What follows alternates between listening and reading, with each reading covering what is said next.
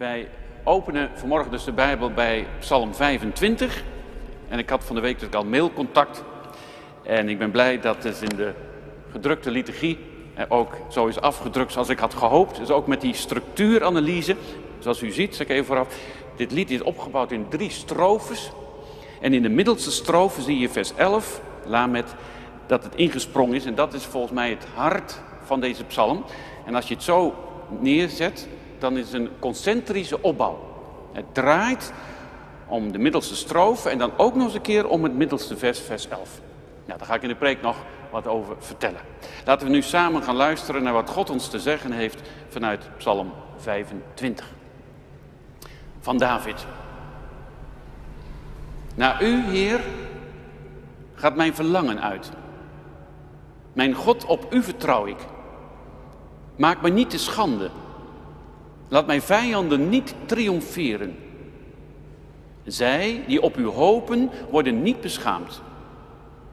Beschaamd worden zij die u achterloos verraden. Maak mij, Heer, met uw wegen vertrouwd. Leer mij uw paden te gaan.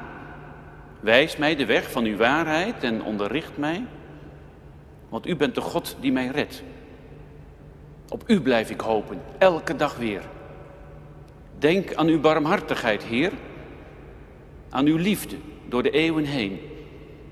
Denk niet aan de zonden uit mijn jeugd, maar denk met liefde aan mij. En laat uw goedheid spreken, Heer. Goed en rechtvaardig is de Heer. Hij wijst zondaars de weg. Wie nederig zijn, leidt hij in het rechte spoor.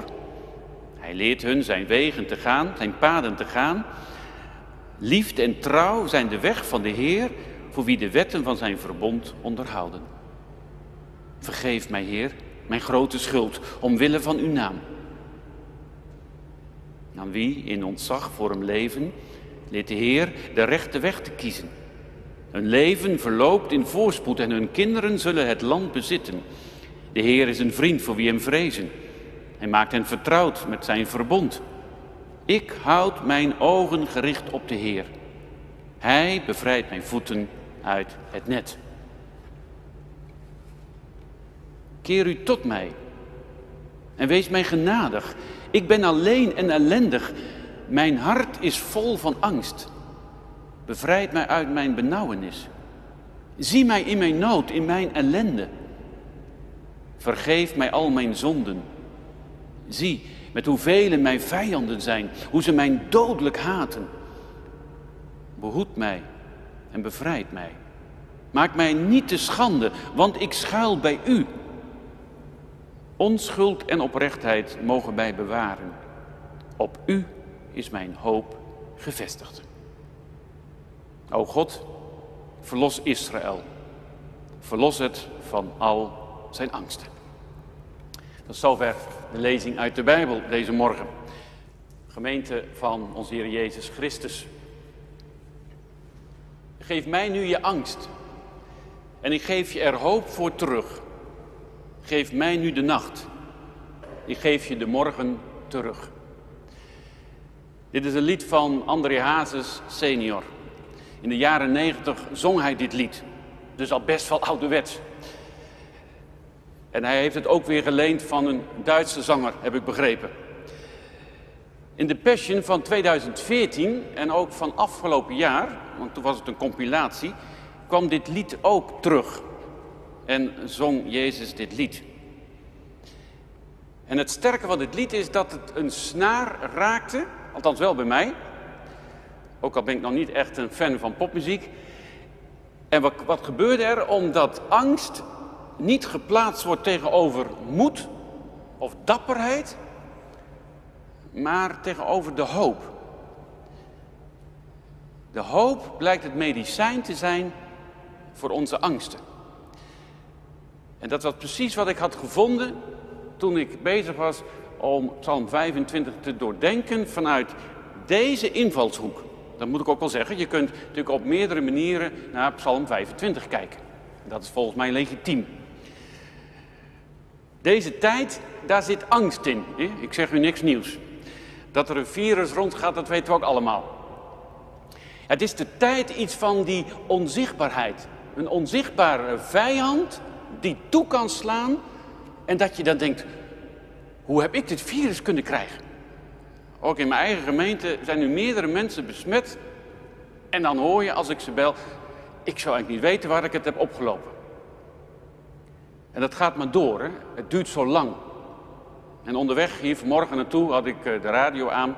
Ik luisterde naar het eh, nieuws, naar de verkiezingen enzovoort. En toen werd er ook gezegd dat een viroloog zei, uh, het, het, is niet een sprint, maar een marathon. Hè? Je moet het nog wel even volhouden. En dwars daardoorheen horen we ook weer van aanslagen. Gelukkig wel buiten onze landsgrenzen. Maar ja, zo, zo groot is de wereld tegenwoordig niet meer. Frankrijk, nu Oostenrijk. En dan is er ook die andere onzichtbare vijand. Iets van het morele kwaad dat toe kan slaan op een manier waar je boos om kunt worden, maar wat ook angst inboezemt. En zo kwamen die twee als het ware bij elkaar. En zo wil ik vanmorgen met u nadenken over het onderwerp angst en hoop. En ik wil het ook veel breder plaatsen. Dus niet alleen maar als het gaat om deze twee thema's. Want ieder mens heeft zich daar ook toe te verhouden, is mijn ervaring. Vanmorgen lazen we uit de NBV, en dat kwam mij goed uit, omdat daar angst en hoop wat duidelijker aanwezig is dan bijvoorbeeld in de HSV. En die lees ik meestal, moet ik zeggen. En vanuit het Hebreeuws is er alle reden voor hoor, om ook zo dat te vertalen, laat dat ook zeggen. Hoop komen wij drie keer tegen deze psalm, in vers 3, in vers 5 en vers 21. Of hopen moet ik eigenlijk zeggen. Het is een werkwoord, hè? dat is anders dan een zelfstandig naamwoord. En de angst komen we twee keer tegen, vers 17 en vers 22. De preek heb ik in drie stukjes geknipt. Dat blijkt nog steeds eh, didactisch de beste vorm te zijn. Eerst gaan we gewoon maar eens kijken naar deze psalm. Hoe is die opgebouwd? Wat staat er precies? Tweede stukje wil ik nadenken over angst. En het derde stukje voelt hem al, dat gaat dus over hoop. En ik eindig dan met een stukje uit een preek van Maarten Luther King uit 1956. Dus dat is al een flinke tijd geleden. En in die preek zegt hij onder andere: Angst klopte op de deur. Geloof deed open en er was niemand. Psalm 25. Afhankelijk hoe goed u thuis bent in de Bijbel, vermoed ik dat toch verschillende van u deze psalm typeren als een bekend lied. Zo heb ik als klein jongetje vroeger al op de basisschool eh, verschillende versen, dus ook vers 2, Heer, ah, maak maar uw wegen, toen nog in de andere berijming, keurig moeten leren. Psalm 25 hoort wel tot de bekendere psalmen in het psalmenboek. Het is kunstig opgebouwd. Dat is ook uh, nou, vanmorgen ook heel mooi te zien. Het is een alfabetisch acrostigon. Dat wil dus zeggen dat ieder vers begint met de volgende letter uit het Hebreeuwse alfabet.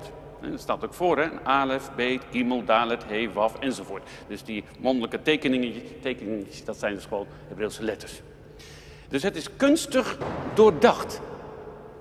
Maar er is veel meer over dit lied te zeggen. Qua stijl is het een persoonlijk lied. Het is geschreven in de ik-vorm. Heel eerlijk vanuit het hart van de dichter. Qua inhoud zit het ook dicht tegen de wijsheid aan. Denk ook maar aan spreuken of prediker. Want het wordt gesproken over de weg die ik heb te gaan. En wijsheid, zoals u waarschijnlijk wel weet, heeft ook alles te maken met de Torah, de wet. Want die geeft aan hoe we hebben te leven. En qua strekking is het voor een groot deel een gebed. De eerste strofe en de laatste strofe, daar hoor je dat hij zich rechtstreeks richt tot God. En in de middelste strofe spreekt hij over God. Dus dan zie je ook heel duidelijk dat onderscheid. En daar wil ik nu kort iets over zeggen, over die drie delen in dit lied. Het eerste deel is dus het openingsgebed. Hij zoekt het hoger op. Naar u, Heer, gaat mijn verlangen. En zo zoekt hij het bij God. Daar klopt hij aan. Hij bidt, hij smeekt. En in dat smeken vindt hij ook houvast. In de middelste strofe dan zie je dus dat hij overgaat van tot God te spreken naar over God te spreken. Je zou kunnen zeggen, je gaat over van gebed naar beleidenis. Want in de beleidenis spreek je over God. En ik heb ook geleerd dat, dat je moet oppassen. En dan kan het zomaar zijn dat daar ook afstand ontstaat. Geloven is vooral persoonlijk, vanuit de relatie. Dus spreken over God, en theologen doen dat dus, hè, dan zit je in het vakgebied van de dogmatiek, boeiend, maar dat is wel een risico. Hij beleidt hier wie God voor hem is. En dat hij ook het verlangen heeft om ook te leven met God als het gaat om de concrete keuzes van iedere dag. En dan midden in deze strofe, ik heb het laten inspringen bij vers 11, bidt hij. Vergeef mij, Heer, mijn grote schuld omwille van uw naam. En als je het zo neerzet, en nou, ik heb erover nagedacht en ook uh, verschillende commentaren op, uh, op, nageslagen, denk ik dat dit ja, verantwoord is. Om het zo neer te zetten. Hier ligt zijn eigenlijke strijdpunt. Hij worstelt met zijn schuld. Maar vervolgens gaat hij ook weer door. Hij vertelt ook weer dat hij weet wie God voor hem is. En dan komen we bij de derde strofe. Die begint dus bij vers 16. En dan, dan krijgt het gebed nog meer ernst, nog meer klem. Dan, dan, dan gaat hij als het ware echt op de knieën. Dan klaagt hij over zijn eenzaamheid en zijn ellende en zijn angst. En dan roept hij dat God toch ook ja, hem moet komen redden, want anders dan redt hij het niet. En tot slot vers 22 die, die valt dan niet meer onder de letter taf, hè, de laatste letter in het Hebreeuws. Uh, waarschijnlijk een latere toevoeging. Het, het lied wordt verbreed. Het lied is niet alleen voor de enkeling, maar voor, voor de liturgie, voor de tempeldienst, voor, dankzij Jezus Christus ook voor ons als gemeente. Het persoonlijke lied is dus niet dat wij hier vanmorgen als een verzameling enkelingen zitten, maar samen vinden we ons ook in het ik van dit lied. Psalm 25. Gebed in moeilijke tijden. En de eerste en de derde strofe kun je dus ook heel goed bidden als gebed. Een formuliergebed zou ik bijna willen zeggen. Daar houden wij minder van, denk ik. In de protestantse traditie, althans in dat deel waar ik en u, denk ik, in zit. Maar waarom niet? Ik heb een tijd lang ook in mijn stille tijd uh, gebruik gemaakt van een gebedenboek. En iedere dag bad ik naast mijn persoonlijk gebed ook een gebed uit het gebedenboek. En ook dat heeft me gevormd om ook als het ware woorden aangereikt te krijgen voor je ziel. En niet alleen maar woorden te vertolken uit je ziel. En zo hebben wij vanmorgen mogen luisteren naar Psalm 25 als een lied dat, dat ook levensecht klinkt, ook al is het zo ontzettend oud. Gebed waarin hij worstelt met de moeilijke kanten van zijn bestaan. De vijand die hem op zijn hielen zit. Maar ik denk toch dat de eigenlijke strijd zijn eigen zonde is. Wat ik al zei, dat zie je heel sterk terug in vers 11. Maar ook in vers 7 en vers 18 heeft hij het daarover. Zelfs iets wat er in zijn jeugd is gebeurd, wat hem achtervolgt. Dat hoor ik soms ook in het pastoraat. Wat een mens niet meeneemt. Hè? Je kunt het verleden niet afsluiten, hoeft ook niet denk ik, hè? maar je hebt je wel toe te verhouden. En dat doet soms pijn. En vandaar zijn roep tot God. En zo wil ik vanmorgen eens nadenken, naar aanleiding van deze psalm, over angst en hoop. Wat is dat precies, hè? angst? Angst is een basisemotie. We hebben een aantal, heb ik begrepen, en angst is er één van. En je zou wel kunnen zeggen, dat hoort gewoon bij het leven. Of het nou bij het volmaakte leven hoort, dat lijkt dan weer niet. Maar hoe dat precies zit, dat weet ik niet. Zou Adam en Eva ook angst hebben gekend? Nou ja, daar zegt de Bijbel niets over, dus dan moet ik het ook niet doen, denk ik dan. Maar het hoort ook bij, bij de schepping, zou ik willen zeggen. Een klein kind kent al iets van angst. En zoekt dan ook bescherming bij mama, en ook wel bij papa. Dus dat hoort erbij. En angst heeft dus een positief element in zich, namelijk dat je op scherp staat.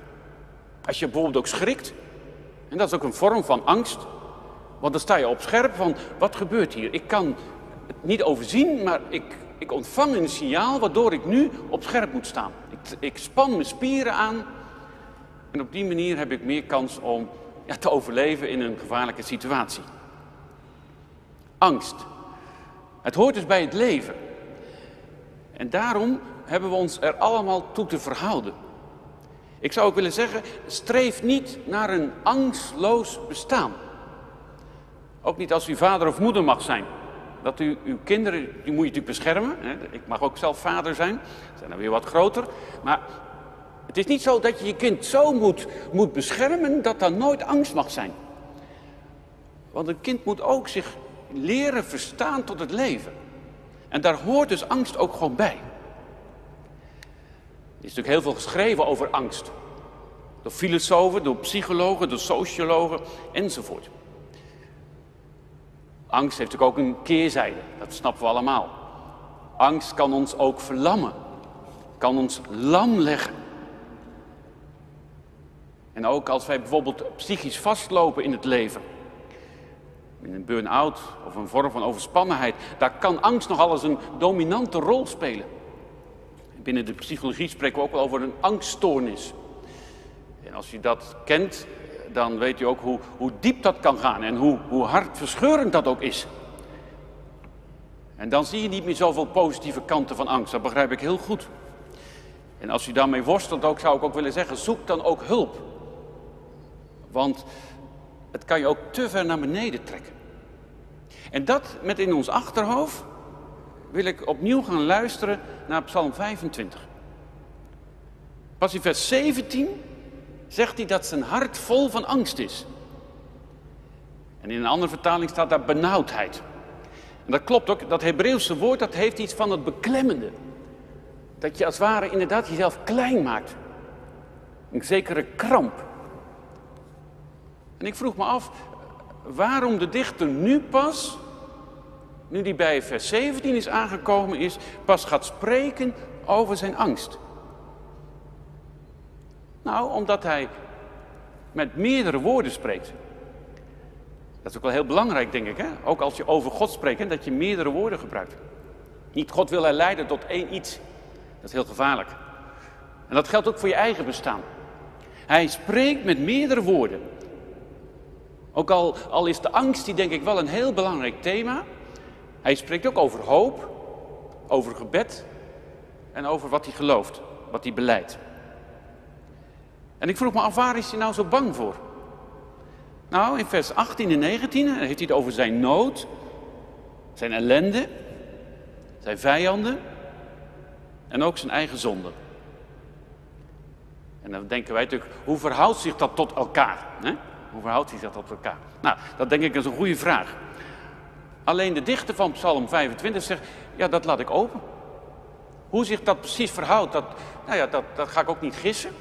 Ik laat ze gewoon staan. Dat is die meerstemmigheid in een mensenleven. Wees ook niet altijd een psycholoog voor jezelf als het ware, dat je alles moet herleiden. Er zit ook gewoon meerdere ikken in ons en dat is prima. Dat is helemaal niet verkeerd. Zolang het maar niet te ver uit elkaar loopt. En dat gebeurt hier ook. En zo zoekt hij in de vragen van het leven, hou vast. En eerlijk is eerlijk, ik denk wel dat Psalm 25 toch wel zegt, de zonde is hetgene wat hem het meest neerdrukt. Niet omdat ik een ultra-gereformeerde dominee ben, maar omdat ik denk dat de psalm dat zo aanwijst, ook vanwege de structuur. Denk niet aan de zonde van mijn jeugd, die ook met me mee kunnen gaan. Vergeef mij, heren, mijn grote schuld. Ja, dacht ik, dat is waar. Zonde en angst hebben met elkaar te maken. Want de zonde is juist datgene dat ons bij God weghaalt. Of dat als een muur tussen God en mij instaat. In onze samenleving wordt angst heel vaak gekoppeld met onze kwetsbaarheid. Met gevaar van eigen leven, zeggen we dan. Dat begrijp ik. Maar Psalm 25 zegt, ja, er zijn meerdere angsten. Inderdaad, er is die vijand. Als terreur, als ziekte. Maar er is ook mijn eigen hart waar ik me heb toe te verhouden, waar ik me mee moet stellen als het gaat om de zonde. Zonde maakt veel stuk en brengt angst met zich mee. En ook dat laat ik gewoon staan. Want dat is precies wat deze psalm ook wil verwoorden. Nee, ik wil vanmorgen ook helemaal geen angst preken, verre van dat. Het lijkt me juist heel erg om banger de kerk uit te gaan dan in te komen. Maar het is wel iets wat wel hoort, ook in het woord. Denk alleen maar aan het begrip de vrezen des Heren. Zo'n heel klassiek termen, kent u vast wel. En er werd vroeger altijd gezegd, het gaat niet over angst hoor. En ik, daar ben ik het ook wel mee eens. Maar etymologisch, weet dat, taalkundig, is dat Hebreeuwse woord, daar zit wel ook angst in hoor. Vrees als ontzag is wel van, er is wel een hele afstand tussen God en mij hoor. De Heer is geen vriendje van me. En dat wil ik ook laten staan. Hoe verhoud ik me tot God in het leven van alle dag? En hoe doe je dat? Ook als het gaat om die angst. Hoe ga je ermee om in relatie met hoop? Nou, een bekend mechanisme is dat wij onze angst gewoon ontkennen. Wij verdringen dat. We negeren het. Het is er wel, maar tegen onszelf verbieden we dat we ze hebben. U kent dat vast wel. Zo las ik pas geleden een boek van een psycholoog, die komt uh, niet uit Nederland, en die zei: Nederlanders zijn net als een kop zonder kip. Kortom, alles vindt plaats in ons hoofd. En we luisteren niet naar ons lichaam en ook niet naar onze emoties. En ik dacht, hé, daar herken ik me wel in. Ja, alles wordt keurig rationeel doordacht. Nou, u bent ook echt zo'n gemeente, de Marenkerk lijkt natuurlijk veel op, waar ik zelf dominee mag zijn. Waarin heel veel met het hoofd gebeurt. Maar we zijn veel meer dan dat. Hè? En het zou zomaar kunnen dat je met je verstand jezelf verbiedt om angst te kennen. Je duwt het weg. En als het er niet is, als, als je het ontkent, dan is het er ook niet, denk je dan. Maar dat is niet zo. Ook dat weten we. En deze manier van leven heeft ook al hele oude papieren. Dat kom je tegen bij de, bij de Stoa. De Stoa die leert ons eh, dat wij boven onze emoties moeten staan. Wees als een dapper krijger. Ook al ben je vrouw, hè, die vocht vroeger dan niet. Maar dat het hele leven was als een soort, als een strijd gebeuren. En je moest er als een dapper soldaat in staan. Dat ziet ik ook wel binnen de Griekse filosofie. Hè. De deugd van moed en dapperheid heeft altijd heel hoog op het lijstje gestaan. En voordat ik zeg nou, zeg ik eerst, ja, dat is best wel heel leerzaam. Wees ook maar dapper in het leven. Wees standvastig. Kom ik Paulus ook tegen. Dus er zijn best wel teksten in de Bijbel te noemen die ook in het verlengde staan van deze gedachtegang. Maar als dat het enige is dat ik vanmorgen zou moeten brengen, dan, dan zou ik daar bang van worden. Als we alleen maar tegenover de angst moeten plaatsen, wees nou maar dapper, wees nou maar een beetje, beetje flink. Nou, dan, dan kom ik banger de kerk uit. En wat ik nou zo geweldig vind aan Psalm 25 is dat Psalm 25 tegenover de angst de hoop plaatst. Hopen of verwachten, zo mag je dat werkwoord ook vertalen. Hij legt dus zijn angsten in het gebed bij God neer. Hij duwt ze niet weg alsof ze er niet zijn. Hij vermant zich niet alsof hij erboven staat. Maar hij durft ze uit te spreken. Richting God. Er zijn ook momenten dat het goed is om ze uit te spreken naar een andere die je vertrouwt. Je kwetsbaarheid durven te tonen. En dat leer ik vanmorgen uit Psalm 25. Laat er ruimte zijn voor uw angst. Maar weet ook bij wie je ze neer mag leggen. Tot u, Heere, hef ik mijn ziel op. Mijn God, op u vertrouw ik. Laat mij niet beschaamd worden. En zo reikt deze psalm ons vanmorgen woorden aan om om te gaan met je eigen angsten. En om ze in Gods hand te leggen. Dat is de kracht van bijbelse taal en zeker ook van bijbelse poëzie. Het psalmenboek. Ik moet zeggen, ik, ik ben een geweldig liefhebber van de psalmen. En de laatste jaren ook best veel studie over gemaakt. Ook vanwege die structuuranalyse, iets van die Amsterdamse school. Misschien zegt u dat wat, maar anders laat u het maar liggen.